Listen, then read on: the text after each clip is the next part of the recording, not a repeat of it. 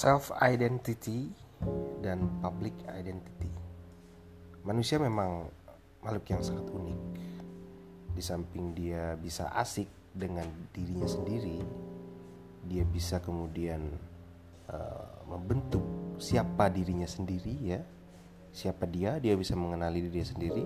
Lalu dia juga memikirkan dari pengenalan dia terhadap dirinya sendiri yang kemudian ya sebut sebagai personal identity ya atau self identity dia harus bertemu dengan identitas-identitas lainnya.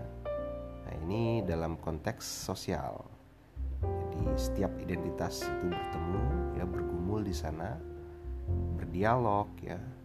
Kemudian ada yang ke, e, saling mengafirmasi ada juga yang saling meresisten satu sama lain ya saling menolak Nah itulah kemudian kita bisa flashback ke belakang dalam eh, sejarah pemikiran uh, psikologi terutama ya. Ada uh, seorang pemikir dia juga bisa dibilang ilmuwan psikologi atau bisa dibilang pemikir psikologi dan bahkan filsuf ya. Yaitu Carl Gustav Jung.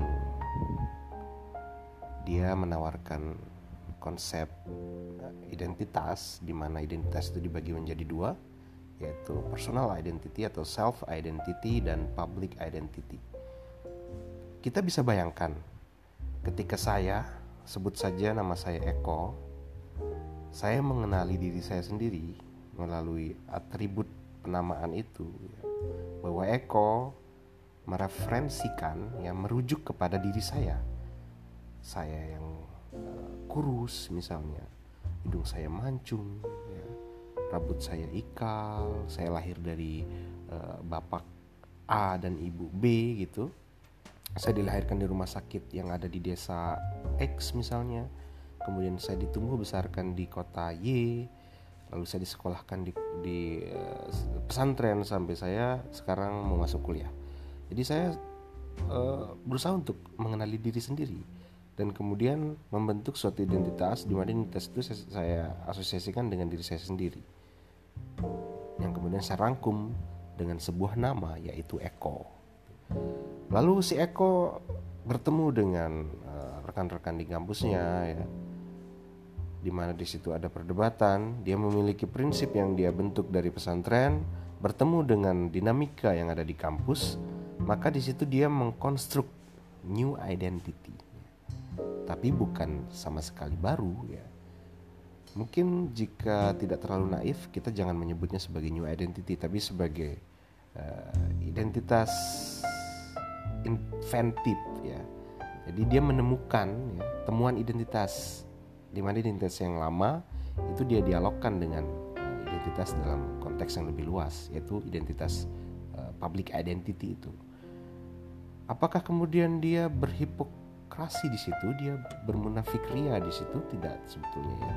Kita tidak uh, boleh terlalu cepat untuk menilai si Eko. Kemudian dia memakai topeng di situ topeng kemunafikan. Tapi ada juga sebetulnya topeng di mana dia beradaptasi dengan konteks sosialnya. Dia memiliki identitas ya. Identitas dia sebagai Eko. Lalu dia uh, dialogkan dengan identitas-identitas lain yang ada di dalam sosialitas itu dalam komunitas barunya di mana di situ terbentuk public identity. Dia kemudian menggunakan beragam topeng yang sebetulnya tidak eh, melulu melambangkan kemunafikan. Dia menggunakan topeng supaya bisa ikut serta ya, dia bisa asik di dalam uh, aturan main dari komunitas itu termasuk juga identitas uh, public identity ini mempengaruhi bagaimana fungsi role dia ya. Bagaimana uh, peran dia di dalam komunitas itu. Di situlah kemudian kita bisa melihat bahwa identitas secara personal itu bukanlah sebuah identitas yang uh, terisolasi ya atau yang otonom dari identitas lain kita perlu untuk memperluas identitas kita. Nah, di mana ketika kita memperluas identitas kita itu berarti kita adalah makhluk yang selalu dalam proses.